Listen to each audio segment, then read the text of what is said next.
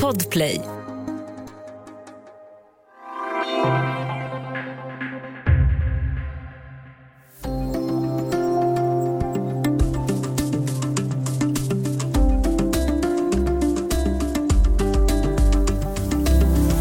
Du kanske tror att du jobbar inom ramen för mallen i ett jobb bland folk som är ungefär som du, man eller kvinna. Förskollärare, undersköterska eller programmerare eller byggnadsträarbetare eller mejeriarbetare. Men du bedrog dig kanske. Kanske var de flesta med ditt yrke för en tid sedan helt andra typer än du. Hur blev det så? Välkommen till Studio DN. Jag heter Sanna Thorén Björling.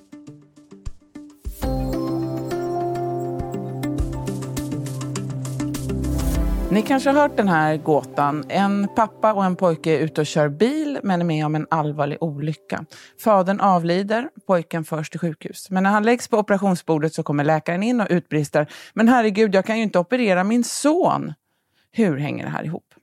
Ja, om manliga och kvinnliga yrken och om sysselsättningar som har förändrats ska vi prata idag med Katrin Marsall som är DNs medarbetare i Storbritannien och författare till en bok om bland annat detta. Välkommen Katrin! Tack så mycket! Du, den här historien, har du hört den?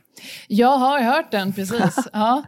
Den är Vad intressant. är själva grejen med den? Ja, det är ju att läkaren är hans mamma och att man kanske först inte tänker på det eftersom vi i många länder i alla fall idag tenderar att tänka på läkare och framförallt då kirurger som det väl är i den här eh, berättelsen som, som män.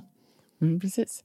Eh, just läkaryrket är ju precis som du sa annars eh, ganska, könsfördelningen ganska jämn eh, mm. om man inte tittar på enskilda specialiteter där det ser helt annorlunda ut.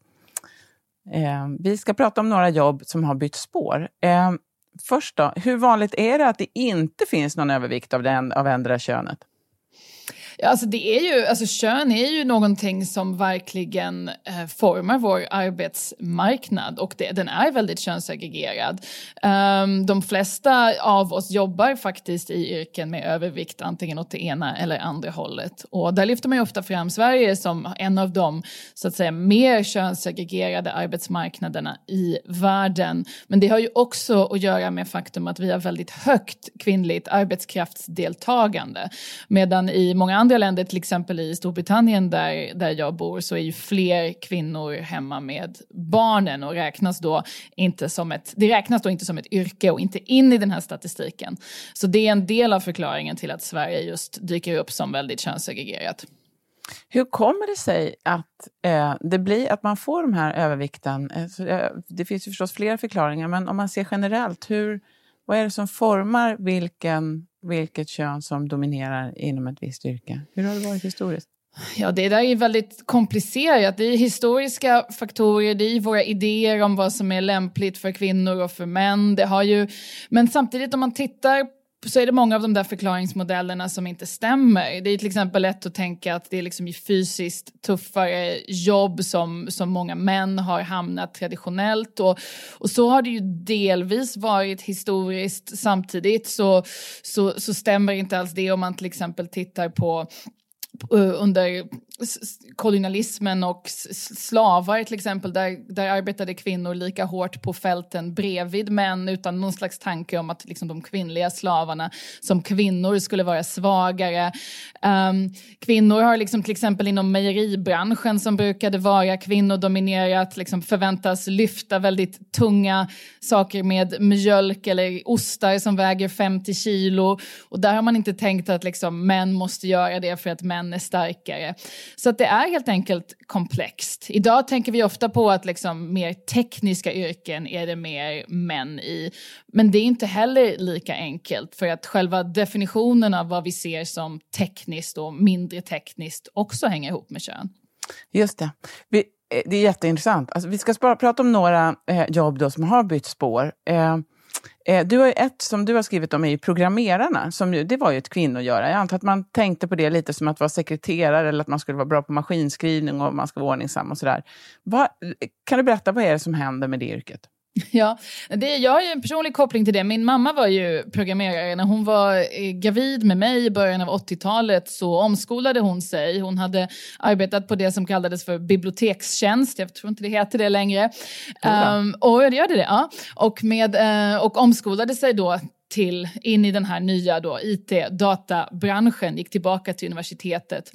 Och det var då ett ganska naturligt steg på många sätt. Och jag minns det ju som när jag var barn, att hur i princip alla hennes chefer var, var liksom, eh, ordentliga damer med stort lockigt hår som kom med sockerkaka till oss.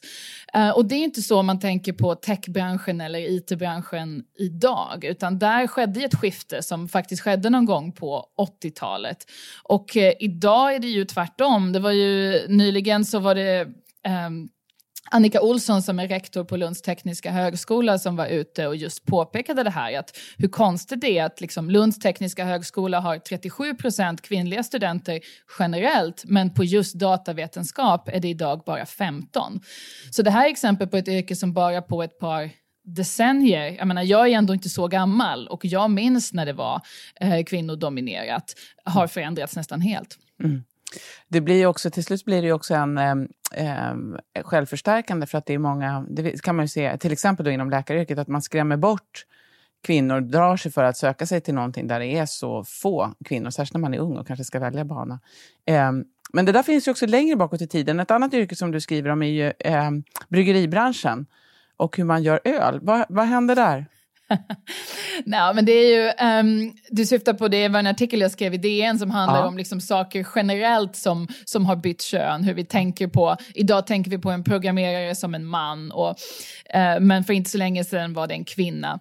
Och där lyfter jag fram öl också som någonting som idag kopplas till maskulinitet, men just, uh, just ölbryggande var en, en verksamhet som var kvinnodominerad under en ganska lång historisk period. Om du tittar på gamla ölgudinnor i till exempel egyptisk eh, mytologi så var de just gudinnor. Och det här var att brygga öl var en verksamhet som inte krävde att du lämnade hemmet eller, eller tog jobb som lärling och därför då någonting som, som kvinnor ägnade sig åt. Mm. Det är verkligen intressant just som du är inne på det här med att man eh, gör någonting hemma och, och det här med fysisk styrka. Kvinnorna har ju, eh, inte minst i Sverige, varit väldigt starka i, i det gamla bondesamhället där ju nästan allt jobb var väldigt tungt. Mm. Eh, och som du nämnde också, mejerierna, eh, det minns jag när jag läste ekonomisk historia på 90-talet. Då pratade man en del om ekonomhistorikern och den förre miljöministern också, Lena Sommerstöd, som skrev en avhandling om hur mejeriyrket gick från att vara kvinnodominerat till att bli mansdominerat mm. under mellankrigstiden. Men alltså, vad tycker du, varför är det här intressant när ett yrke skiftar från det ena till det andra? Det säger ju någonting, det säger någonting om det, dels den tid där de här yrkena liksom uppkommer och sen någonting om den tid då det här förändras. Vad, vad är det som är spännande med det? Vad, vad, vad säger det? Nej, men jag tror att vi är inte vana vid att kanske tänka på kön som en så viktig sorterande mekanism i ekonomin eller för arbetsmarknaden som den faktiskt är. Och där tror jag att de här historiska läxorna kan vara nyttiga. Alltså vi glömmer ju bort, vi har, alltså idag så lever vi i en, i en värld där man liksom försöker uppmuntra kvinnor att liksom till exempel söka sig till IT-branschen och det finns massvis med eh, liksom, kurser för tjejer att lära sig programmera och så vidare. Men, men vi glömmer någonstans bort att för inte så länge sedan så var just programmeraryrket någonting som uppfattades som ganska kvinnligt och i början när det här uppstod så jämfördes det med liksom, ja men är du bra på att laga mat efter recept recept, då kan du bli en bra programmerare. Och det är ju faktiskt logiskt, det handlar ju om den typen av logik och att följa, följa ett recept. Mm. Um, så men, men man, idag pratar man om det på ett helt annat sätt och jag tror att det är viktigt att, att komma ihåg det här. Och sen om man vill bli konspiratorisk, det får man ju välja själv, så finns det ju någonting här där status och högre lön verkar följa så att säga mannen i ekonomin. Ja. Programmeraryrket var inte alls lika välbetalt när det var kvinnodominerat till exempel. Eh, designyrket, alltså män för ett par decennier var mycket mer dominerande i, inom design. Um, och idag är det många fler kvinnor och det har också gjort att statusen och lönerna har gått ner, visade nyligen en amerikansk studie. Vi ska prata alldeles strax lite mer om vad som händer när ett yrke förändras på det här sättet.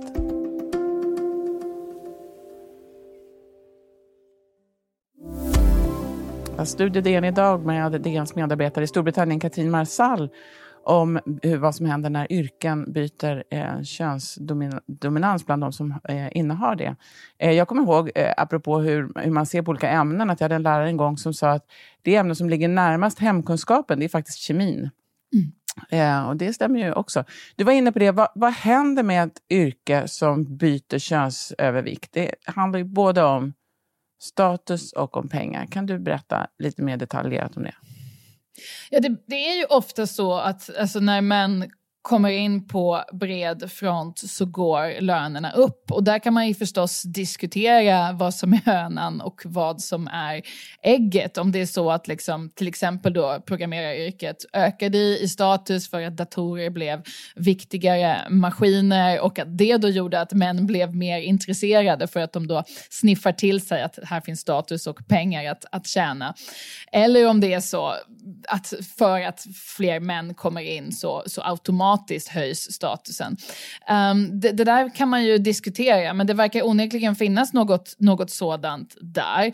Um, och sen är det ju också det att när kvinnor, eftersom det finns diskriminering mot kvinnor på arbetsmarknaden, så kanske det är lättare för kvinnor att söka sig till lågstatusbranscher oavsett vilka de är, för att det är helt enkelt där som det är lättare att få, få jobb. Så man kan tänka sig många olika förklaringsmekanismer, men, eh, men allt som allt så är det ju ett fascinerande fenomen. Mm, verkligen. Hur lång tid brukar det där ta då?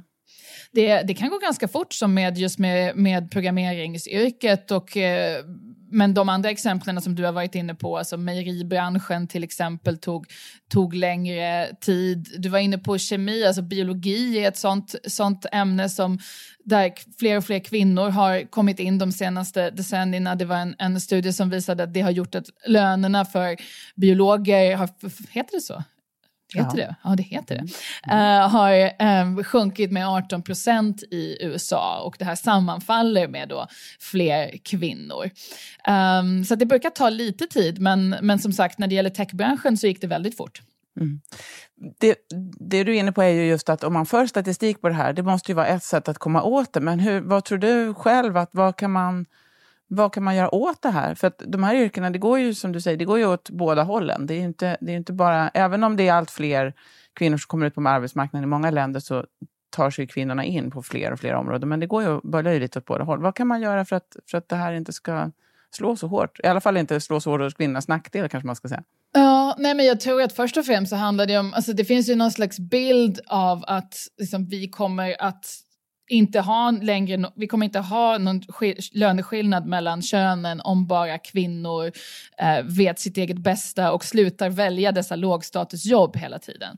Eh, och den retoriken, den berättelsen tror jag är alldeles för enkel och i ljuset av det här hur just kön och status förändras tillsammans i ekonomin och formar arbetsmarknaden så måste man ju se att det här är mycket mer komplicerat än att liksom kvinnor på något sätt av av naturen hela tiden vill arbeta för väldigt lite pengar i yrken som inte har särskilt hög status. Så jag tror att man måste få en mycket mer liksom, eh, komplex diskussion om det hela. Och sen tror jag också börja kunna sin historia. Alltså techbranschen, om, jag tror många som arbetar där liksom idag inte ens vet om att de första programmerarna var kvinnor och att det här var en ganska kvinnodominerad bransch för bara ett par decennier sedan. Det gör ju också att man förstår att de här sakerna har förändrats och därmed kan förändras igen. Mm. Jag tänker också på till exempel just bland läkare där det är till exempel kirurgi och ortopedi och så har varit väldigt både statustyngt och, ehm, och väldigt mansdominerat. Och när man tittar på det där så ser man också att de har längre arbetsveckor och ofta mer forskning och disputerade. Det är liksom hög status. Och bland kvinnor så är det mer ja, men gynekologi men också geriatrik och psykiatri och sådär som inte är, är lika ehm, eh, hög status. Eh, ett annat sådant yrke är just åklagaryrket där, där, där man på något sätt har och det tänker jag att det ligger lite grann i linje att de kraven är väldigt höga på att man ska vara, arbeta jämt och eh, prestera jättehögt i sju dagar i veckan kanske, då drar sig ofta kvinnorna kanske undan för att det inte går att kombinera. Eh, mm. När männen kanske börjar ställa liknande krav så kanske det också händer någonting. Så brukar jag tänka att det är, eh, åklagaryrket är ju statligt anställt och har kanske bättre arbetsvillkor. Mm. Eh, Men lönerna har ju sjunkit där också, och statusen. Hur mycket mm. tror du att det bygger på vad männen söker sig till eller vad de börjar ställa för krav på sina arbetsplatser? Du menar ju att om män ställde högre krav på möjligheter att liksom kombinera arbete med familj så skulle det kunna förändra könsbalansen inom många ja, yrken? jag tänker så. Ja. Uh, vad tror du? Um, ja, kanske. Alltså, vem vet?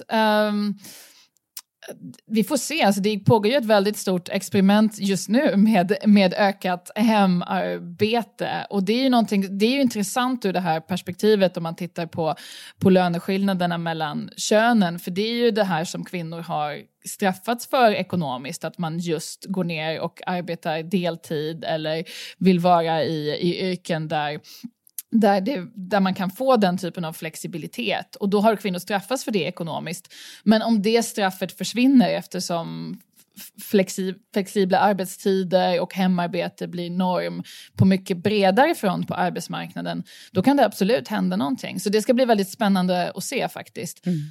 Verkligen. Om vi ska göra en liten spaning, vad, tror du, vad tittar du på? Vilka yrken tror du kommer att eh, liksom eh, förändras? Eller där man, ja, du var inne på det där, man inte behöver vara fysiskt stark. Det finns ju fortfarande yrken där man måste vara det. Eller, mm. Vad tror du kommer att, att vara avgörande för vilka yrken som förändras åt det ena eller andra hållet framöver? Det där med fysiskt stark är intressant för att till exempel de som arbetar i äldreomsorgen lyfter ju jättetunga äh, saker men det, det, det är ändå kvinnodominerat. Mm. Så vi är på något sätt kapabla att ha liksom de här, alla de här ganska paradoxala idéerna i huvudet samtidigt. Äldrevård är kvinnligt men de lyfter ändå jättemycket och så vidare. Men jag tror att det, att det kan hända någonting intressant när det gäller automatiseringen. Det pratas ju väldigt mycket om hur liksom robotarna och maskinerna kommer för att ta våra jobb. Men tittar man i många av de studier som har gjorts de senaste åren så, så visar väldigt många av dem på att i alla fall ekonomerna tror att det kommer vara lättare för maskinerna och den artificiella intelligensen att ta jobb på manligt dominerade delar av arbetsmarknaden. Mm. Alltså, det Som kan vara långtradar chaffisar till exempel? Långtradar chaffisar till exempel, men även, men jag sitter ju här utanför London, alltså finansbranschen, eh, hög status, ganska mansdominerad. Där kommer ju liksom maskinerna in och tar över och har redan i hög grad kommit. Så det det, många av de här sakerna gör att det, man i de här eh, studierna det faktiskt finns prognoser som just visar att ja, robotarna kommer och tar männens jobb.